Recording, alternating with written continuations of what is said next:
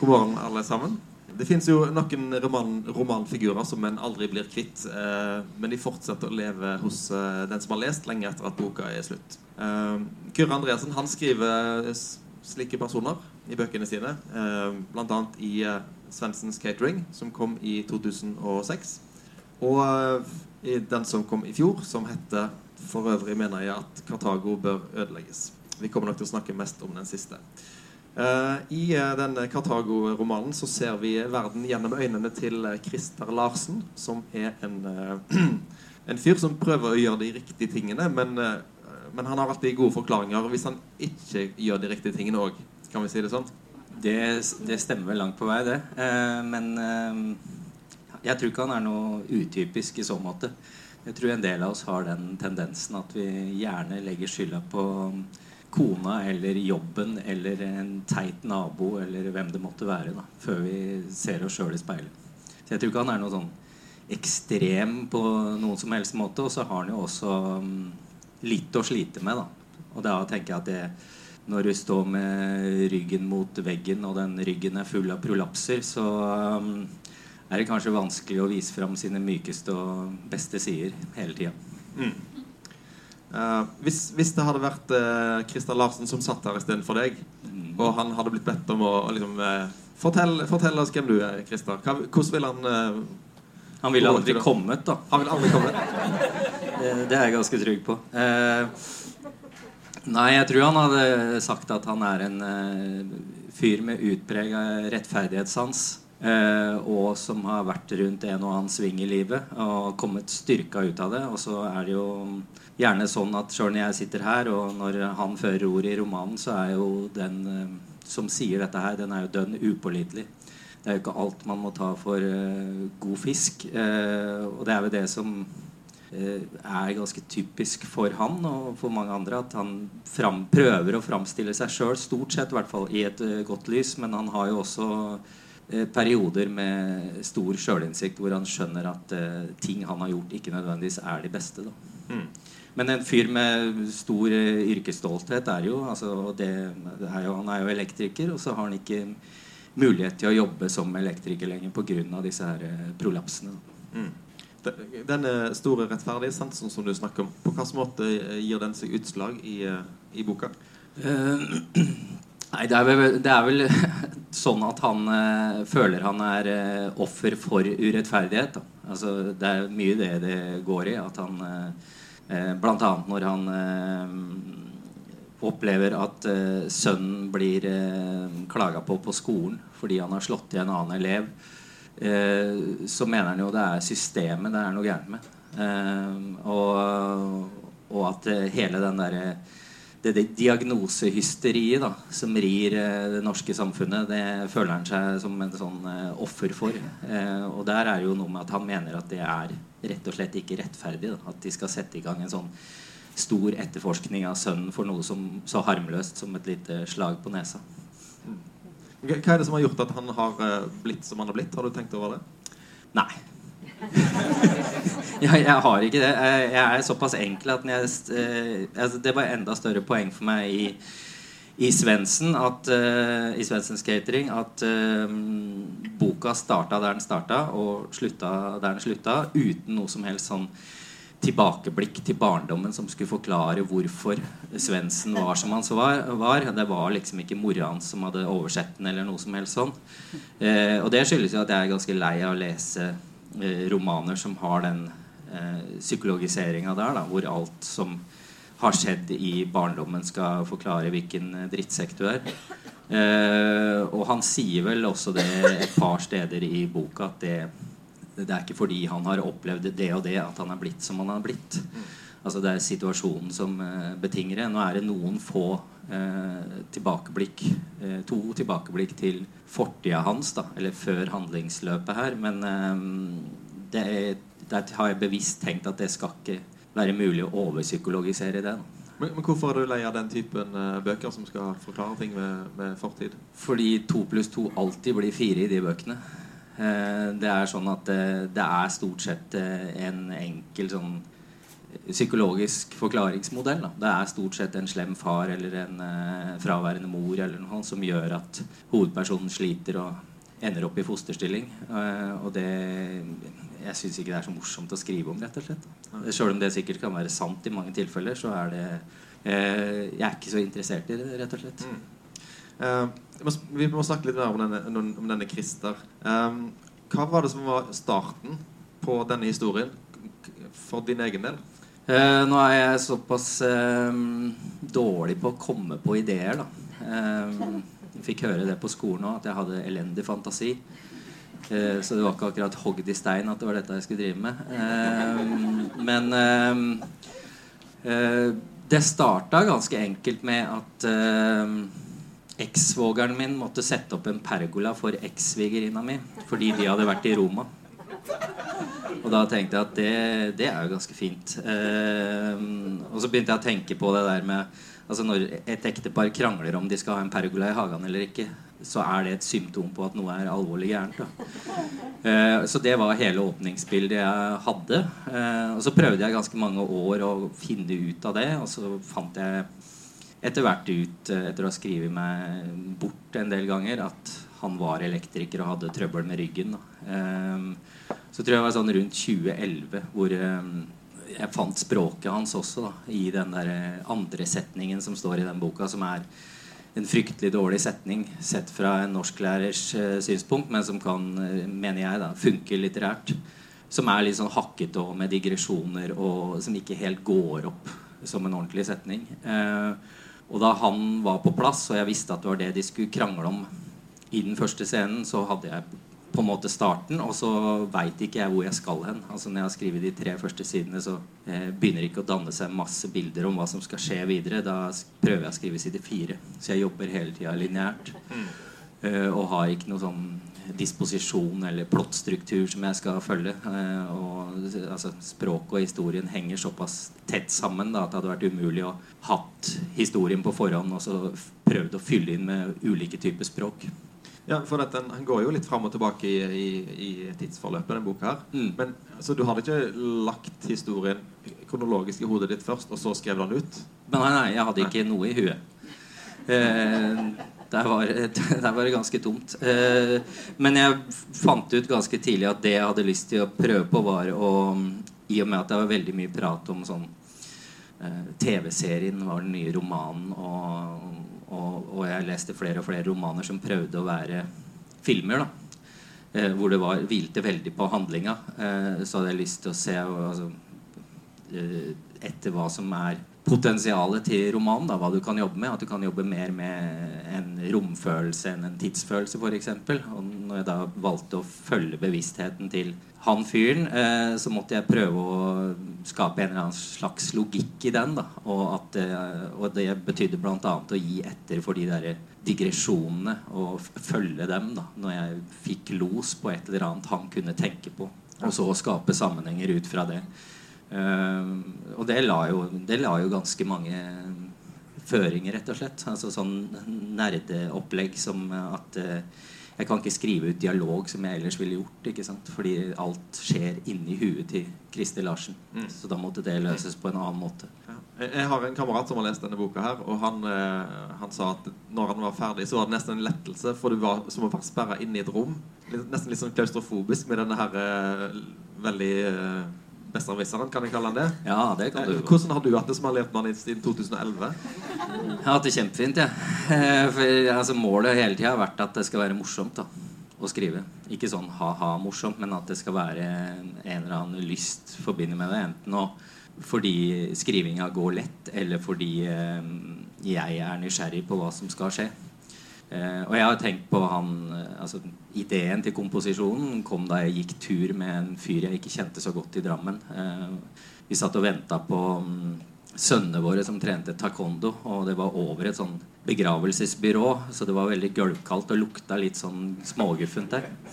Eh, og Så spurte jeg om han ville være med og gå tur, og så sa han ja, det ville han gjerne. Og så gikk vi ut døra, og så begynte han å prate. Og han prata som en foss i en og en halv time, og jeg sa ja, hm, sier du det? Eh, og da vi kom tilbake, så sa han jaggu godt å få prata litt, du. Uh, og da tenkte jeg det hadde vært kult å komponere romanen på den måten. da For alt han sa Han var jo født og oppvokst i Drammen. Og vi hilste på en hel haug av folk fra altså alt fra businessfolk til de som sov under bruene. Han kjente alle og fortalte historier, men alt handla til sjuende sist om han. da Alt pekte tilbake på han. Uh, og det var sånn jeg tenkte at uh, hvis en leser skal holde ut dette her, så må en tenke på det som en sånn Hvis du er på all inclusive f.eks. i Tyrkia da, og havner ved siden av en fyr eh, i bassenget, og så babler han i vei, og så får du stikke unna og sett noe inne i byen eller hva som helst, og så møter hun igjen dagen etter, og da den i, setter han i gang igjen.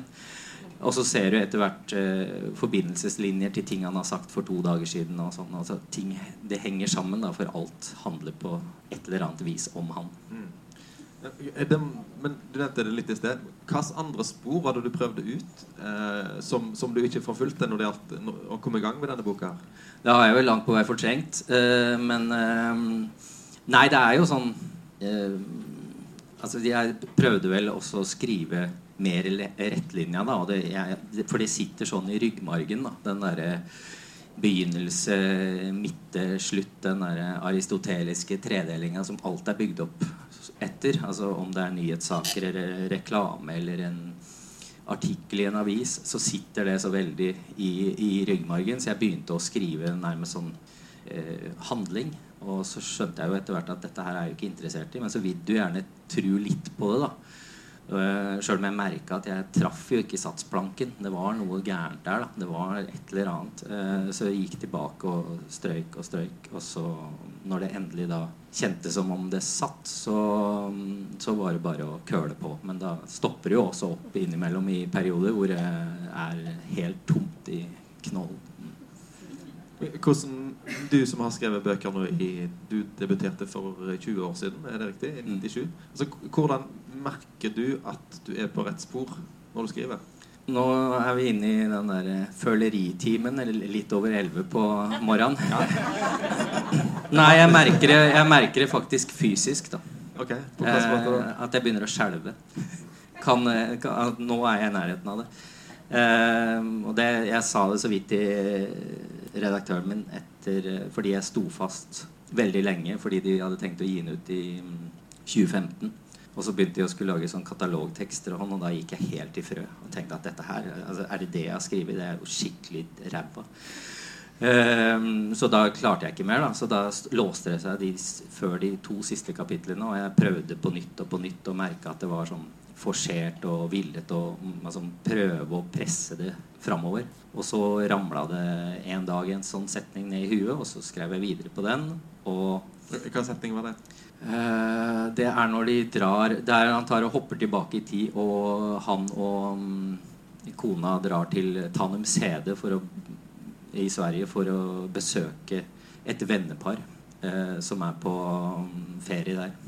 Samtidig som han venter på brev om at, han skal, at rettssaken hans skal komme opp eh, etter en sånn voldsepisode. Så da hadde jeg de der to spenningspunktene der. Da, at han er eh, dønn nyforelska og samtidig livredd for å miste alt fordi han venter på den der eh, dommen. Uh, og da kjente jeg det etter to-tre setninger at nå er jeg på riktig spor. Og det var sånn at jeg begynte å dirre litt i systemet og måtte gå en runde. Uh, det, og mens når du sitter der og presser ut, og, og det tusler i vei, så, og alt er mye mer spennende, å dra og trene eller støvsuge rommet til ungene eller et eller annet sånt, da, da veit du innerst inne at dette her er ikke det du skal skrive om. Ok, Så det, så det må være en slags sånn uh, flyt rett og slett for at det skal gå riktig vei? Og det er, altså, Alt er skrevet i flyt, da, og det er derfor det har også stoppa opp i perioder. For noen ganger så er ikke den flyten der. Uh, og da må vi vente på at den kommer igjen. Og det er ikke like lett å overbevise seg sjøl om at den noen gang kommer igjen heller. Og så er um, ja, rett og slett da, å, å, ha stamina til å vente på det og tenke at det, det løsner igjen. Mm. Ja. Eh, eh, eh, hvor bevisst er du på å styre vår sympati for denne personen? For dette, Noe av det som interesserte meg her, var hvordan jeg ble dratt mellom å synes han var en, en uh, tulling, og synes at han har jo en del gode poeng. Mm. Altså Han kunne fort endt opp som en sånn der karikatur, mm. eller som en sånn der allviter som bare har gjennomskua samfunnet. Men han er en plass midt imellom. Hvordan gikk du fram for å finne den balansen? Nei, jeg var vel opptatt av at det ikke skulle balanseres, tror jeg. Eh, det vil si at jeg ville ikke at når han kommer med en sånn eh, smårasistisk eller kvinnefiendtlig eller i det hele tatt menneskefiendtlig påstand eller hetser en eller annen eh, lærer på skolen til sønnen, at jeg ikke skulle ta forbehold. At han skulle si at men han er sikkert grei på privaten. Han er sikkert kjempeålreit å prate med. Um, men bare dundre i vei, da. Og så tenke at jeg ikke skulle sikre meg som uh, forfatter og hele tida insistere på overfor leserne at han, han, er en fin fyr. Altså, jeg mener ikke det han mener. Uh, for det tenkte jeg blei altfor feigt. Men hvis man leser hele boka, så tror jeg han er uh, relativt sammensatt. da og det var vel et poeng at han skulle framstå som et eh, tilnærma menneske. At det skulle være en som var full av eh, paradokser og, og, motsetninger og ambivalens. Og at han gjerne kunne si én ting på ei side som ble motsatt på neste side. Mm. For på den måten å prøve å vise fram det relativt komplekse det er å være menneske. da at du på samme kvelden kan både elske og hate den du bor sammen med. Og, og innse på en måte galskapen i det. Og det er skrevet ut bl.a. når han eh, ser at kona ikke har klart å få beltet inn i den ene beltehempa.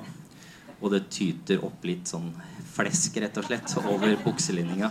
Og han ser på det med avsky og syns jeg er guffen og sjuskete og alt. Og så i samme setning tenker for en galskap å tenke noe sånn om kona si. For han er litt glad for det? At du er blitt litt tjukk? Sånn som jeg leste det. Ja, det, det er, han er sikkert det. Jeg har ikke gått i, har ikke gått i dybden der. Men jeg skjønner. Men kan, kan, du si litt om verdensbildet hans? For jeg prøvde å finne ut eh, hvem er det han egentlig har uh, noe til overs for?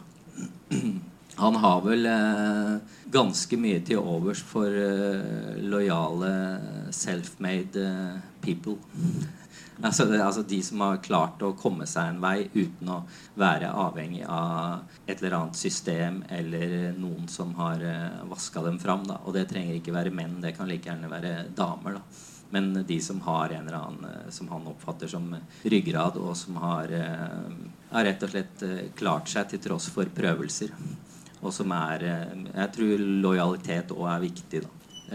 Og, og, mye av grunnen til det er jo at han kjemper mot systemet, da, enten det er på skolen eller om det er og Nav, for den saks skyld.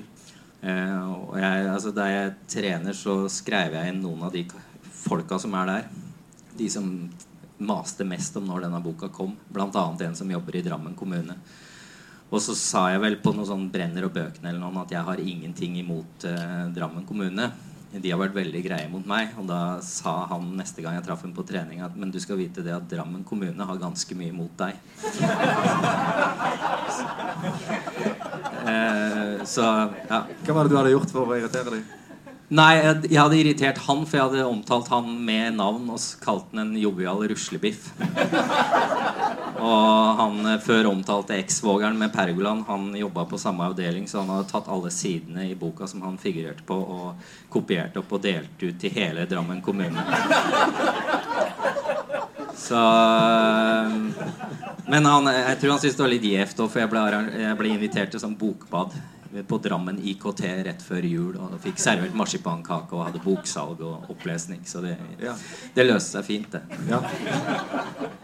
For en del av eh, eh, greia her er jo eh, hans forhold han, Denne Christer som har fått ødelagt, ødelagt, ryggen og ikke kan jobbe hvitt som elektriker, iallfall. Mm. Han eh, får jo jobb på skolen.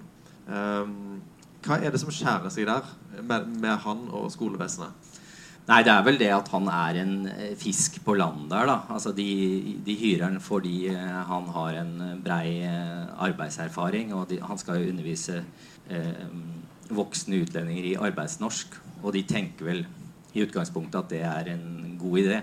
Men så um, blir det vel først og fremst full skjæring med denne rektoren som gjerne vil ha en sånn pedagogisk målsetning fra Christer Larsen. Og han har jo ikke noe sånn begreper om åssen han skal legge det opp. Sånn verken pedagogisk eller på um, annen måte. Og så er det det at han irriterer seg over alt tullballet. da At de drar på sånn kjerneverdiseminarer og, begynner å regne ut hvor mange hundre tusen det går med av skattebetalernes penger eller andres penger til å gjøre det. da Uh, så der tror jeg rett og slett uh, Og der syns jo jeg han er um, Nå skal jeg ikke stille meg nødvendigvis bak og forsvare hovedpersonen, men akkurat der er vi jo helt på bølgelengde. og stort sett alt av sånn uh, surrball som det der kjerneverdien og han, det har jeg bare rappa fra skolen til dattera mi. Så det Mottoet til skolen til, som Christer Larsen jobber på, med kunnskap strekker vi oss inn i fremtiden og gjør hverandre gode, det er det vi får på ukeplanen til dattera mi hver uke. Og der har de også, altså, også krangler de med hvor lenge om de skal ha raushet eller toleranse som en av kjerneverdiene.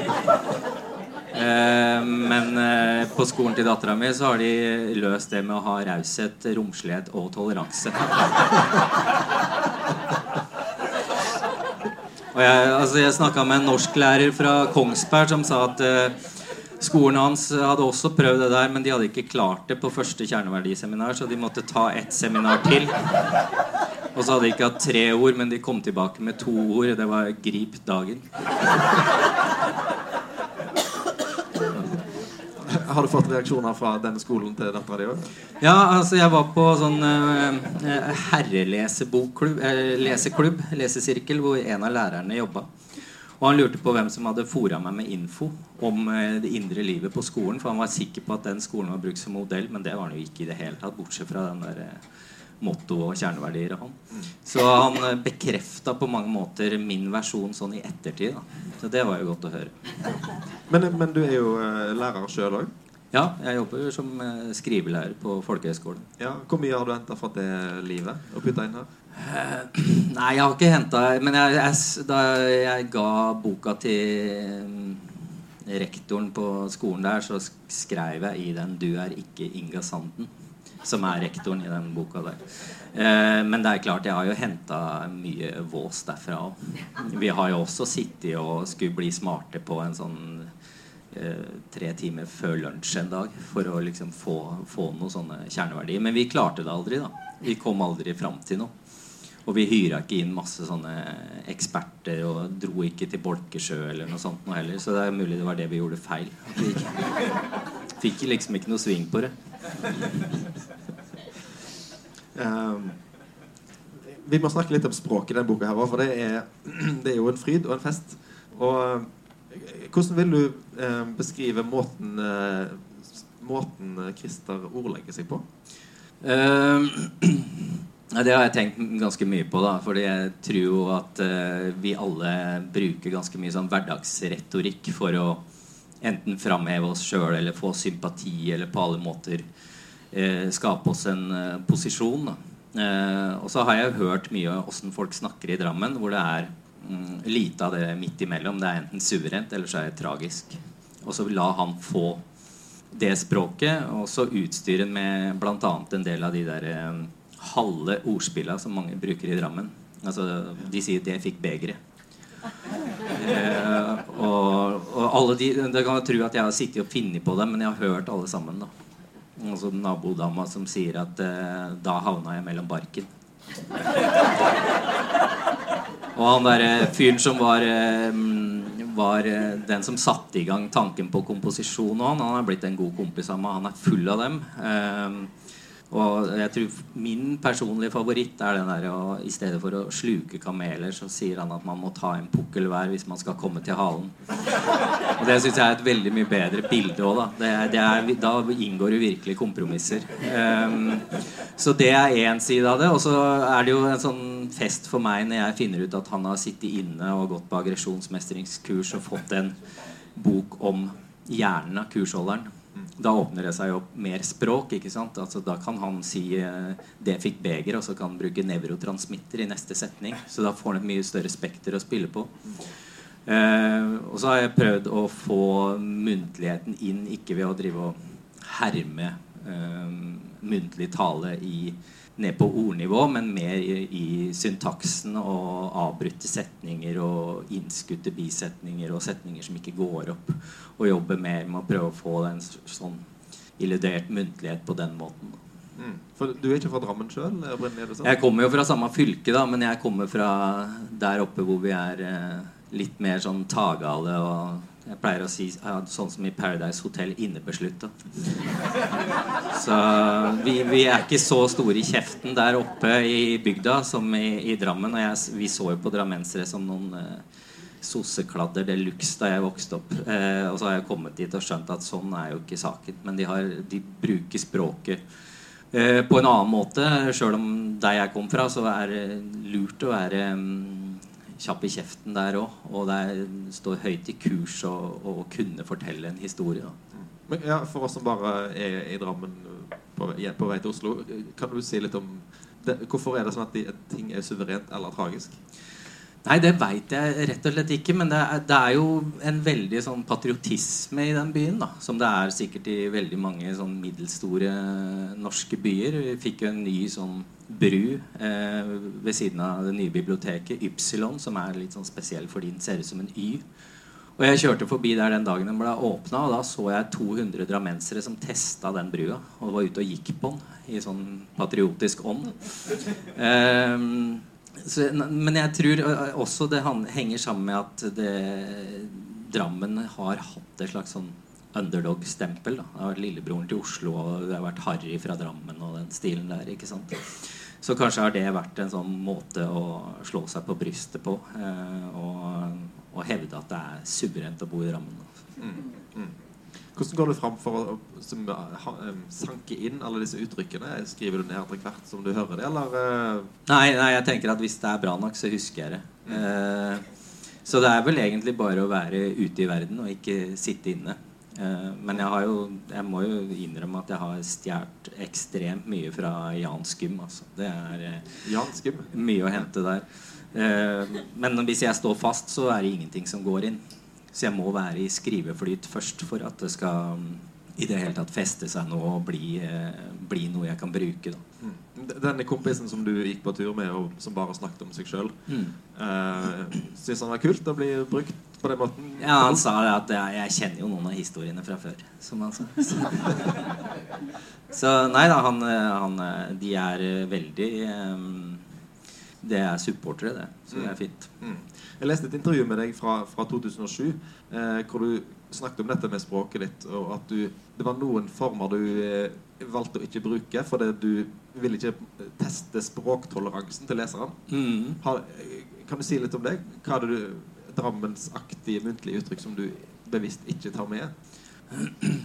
Nei, altså Jeg husker med Svendsens Catering så altså, jeg, Da må jeg ha det i en dialog, da. For hvis jeg begynner å skrive sånn Jeg kjørte mellom tunnelen. Eller jeg bladde mellom avisa. Det betyr at du blar i avisa? Ja, eller gjennom. De bruker mellom i stedet for gjennom.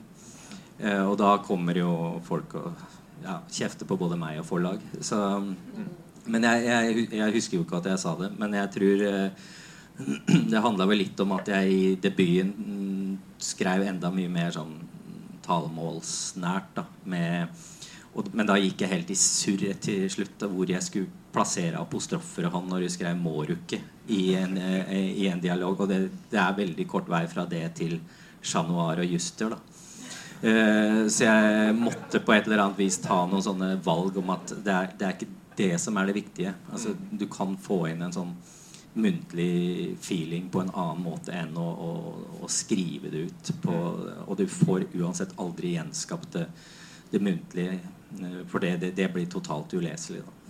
Men, men, likevel, det er sånn som du sa, at uh, denne boka gir litt følelsen av at du havner ved siden av en fyr i svømmebassenget i Tyrkia som mm. bare holder på. Mm. Eh, leser du mye høyt for deg sjøl når du holder på, for å, for å høre at det liksom sitter? Ja, jeg leser alt høyt. Altså Hvis jeg har skrevet eller I starten så leser jeg jo hele tida.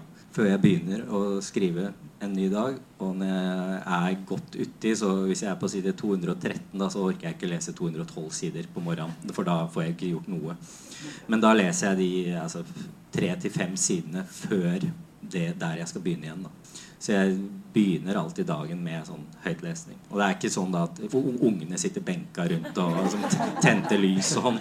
De er på skole og sånn, da. Så det, det er, og jeg har høy musikk på, så naboen ikke skal høre noe. og alt mulig sånt. Så, men jeg, jeg, leser for å høre om det, det sitter, altså for å komme inn i det igjen. Og det er det, altså, Jeg sa i stad at jeg jobber som skrivelærer, og det er egentlig det beste tipset til de skriveskoleelevene er at de må lese høyt. For det er den enkleste måten å sjekke om noe er eh, på tverket i en tekst. Mm. Da vil du fange opp ting som du ikke ser hvis du bare leser det? Ja, det er lett å altså, bare lese automatisk det du har skrevet, da, og hoppe over, og, og du veit liksom hva som kommer. Men hvis du må lese det høyt, så tvinges du til å høre de der grusomhetene du har gjort.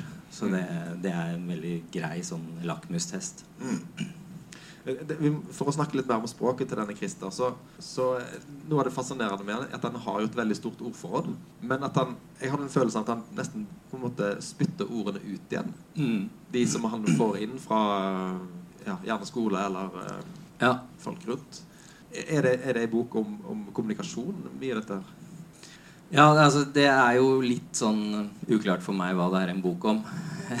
fordi, altså, nettopp fordi jeg skriver på den måten jeg gjør, og ikke har et sånn fastlagt tema på forhånd. Uh, og det har jeg jo snakka mye med altså, lesere, altså, redaktører og et par konsulenter om hva handler det egentlig om.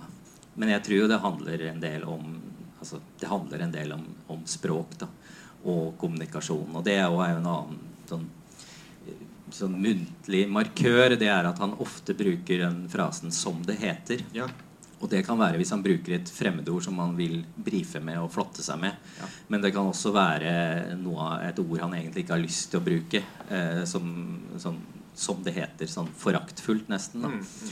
Eh, og det er jo noe jeg har sikkert bruker en del sjøl, eh, men også hører mange andre. Altså enten for å framheve at de kan det der flotte ordet, eller ta avstand fra det ordet de har brukt. Mm. Eh, så det å romme jo den der eh, ambivalensen ofte.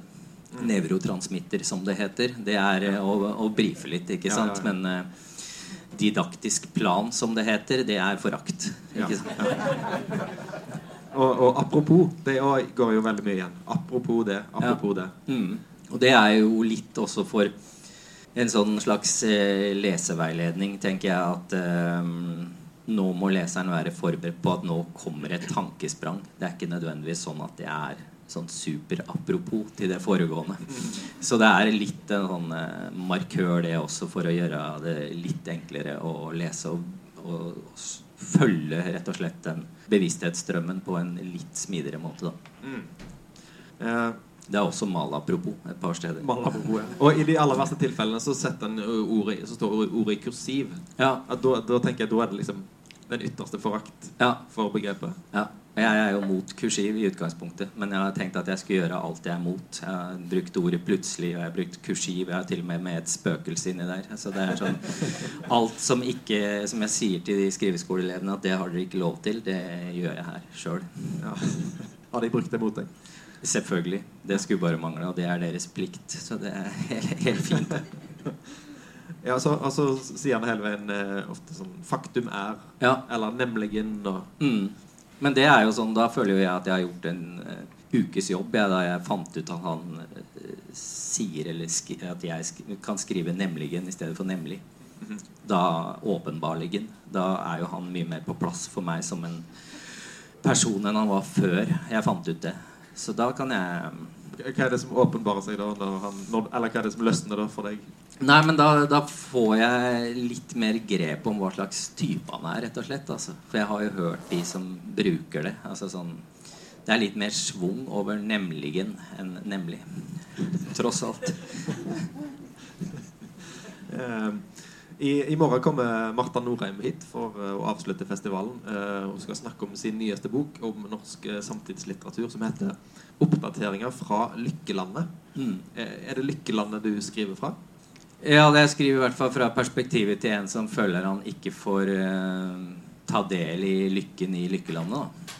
Han har jo havna der, og når han ser at altså, Jeg tror jo ikke nødvendigvis at uh, lykke måles i materielle goder, men uh, det er jo lett å, å tro det. Og når han ser at naboen eh, har uh, finere bil og har feriehus i Frankrike og til og med har råd til å spandere tur på ham til Frankrike, så kjenner han jo både sjølforakt og forakt for dem. ikke sant? Så jeg tror det handler også en del om det å føle seg marginalisert da, i verdens rikeste og lykkeligste land.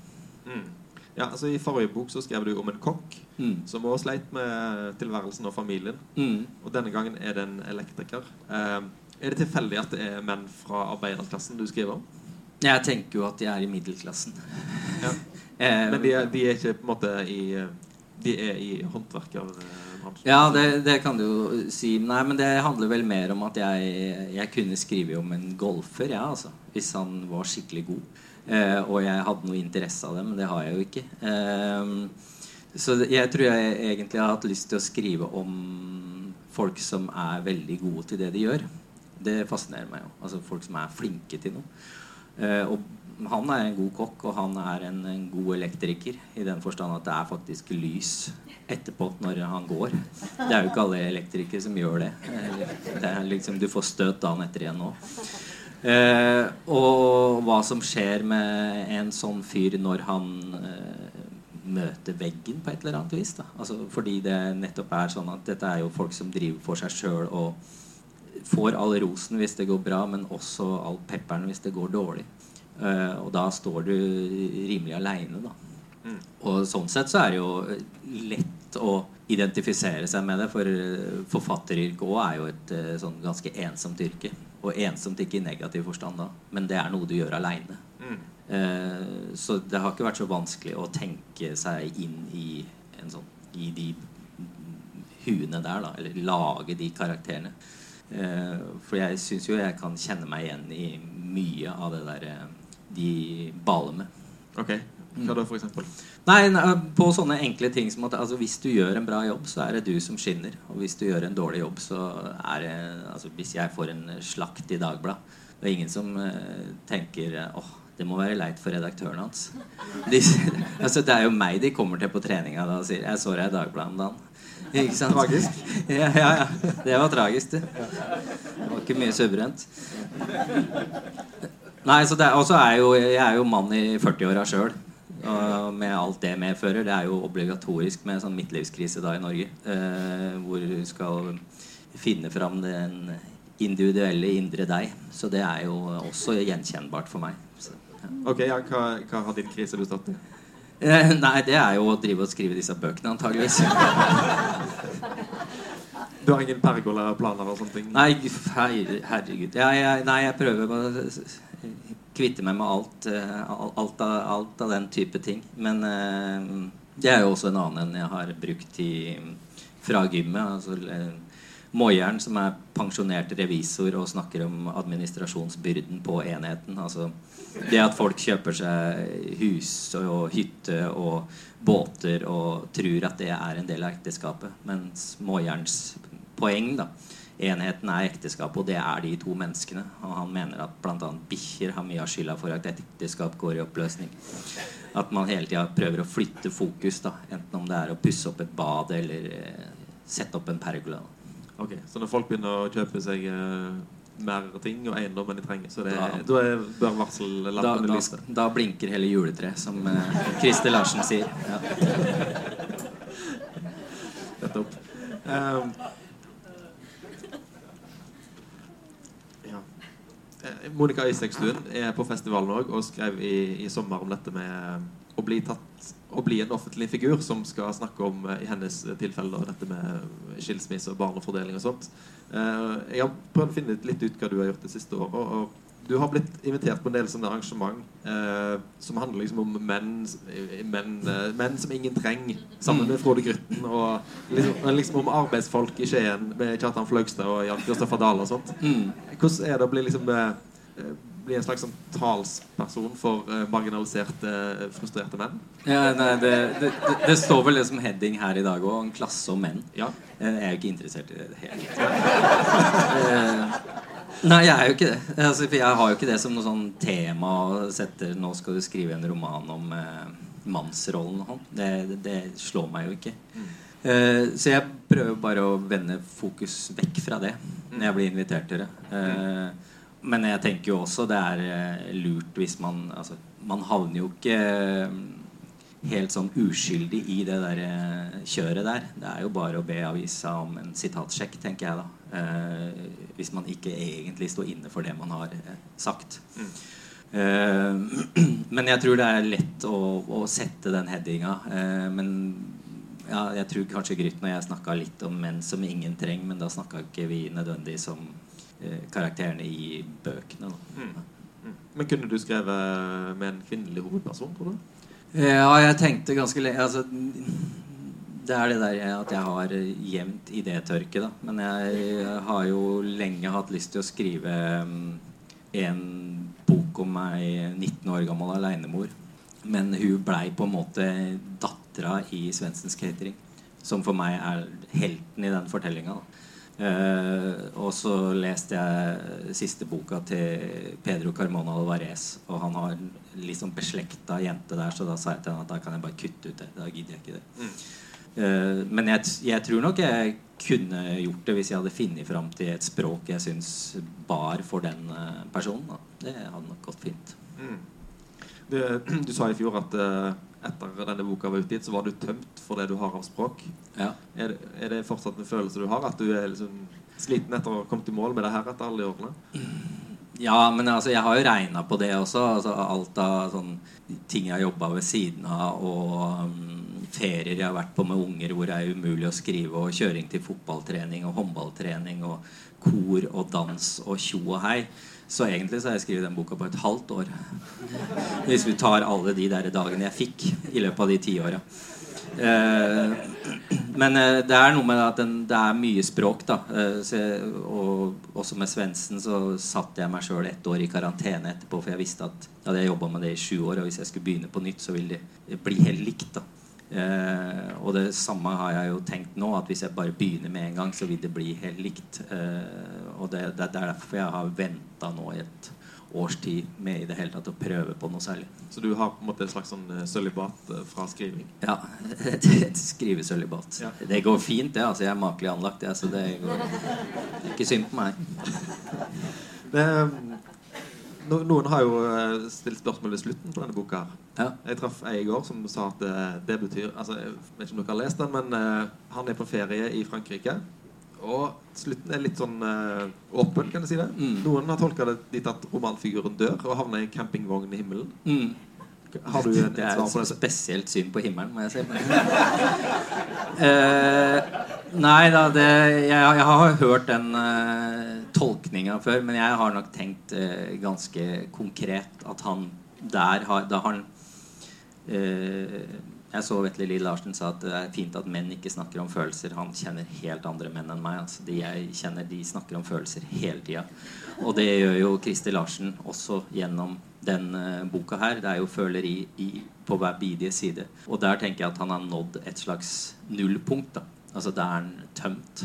Eh, og så det den tomheten eller det som gjør at folk kan tenke på døden og himmel og campingvogn, det er vel rett og slett det at der er det Der har han kjørt seg til bunns, sånn følelsesmessig. Mm. Tenker jeg, da. Men det, er, det kan godt hende det er en campingvogn i himmelen. Kommer det flere bøker om eh, Christer Larsen? Nei.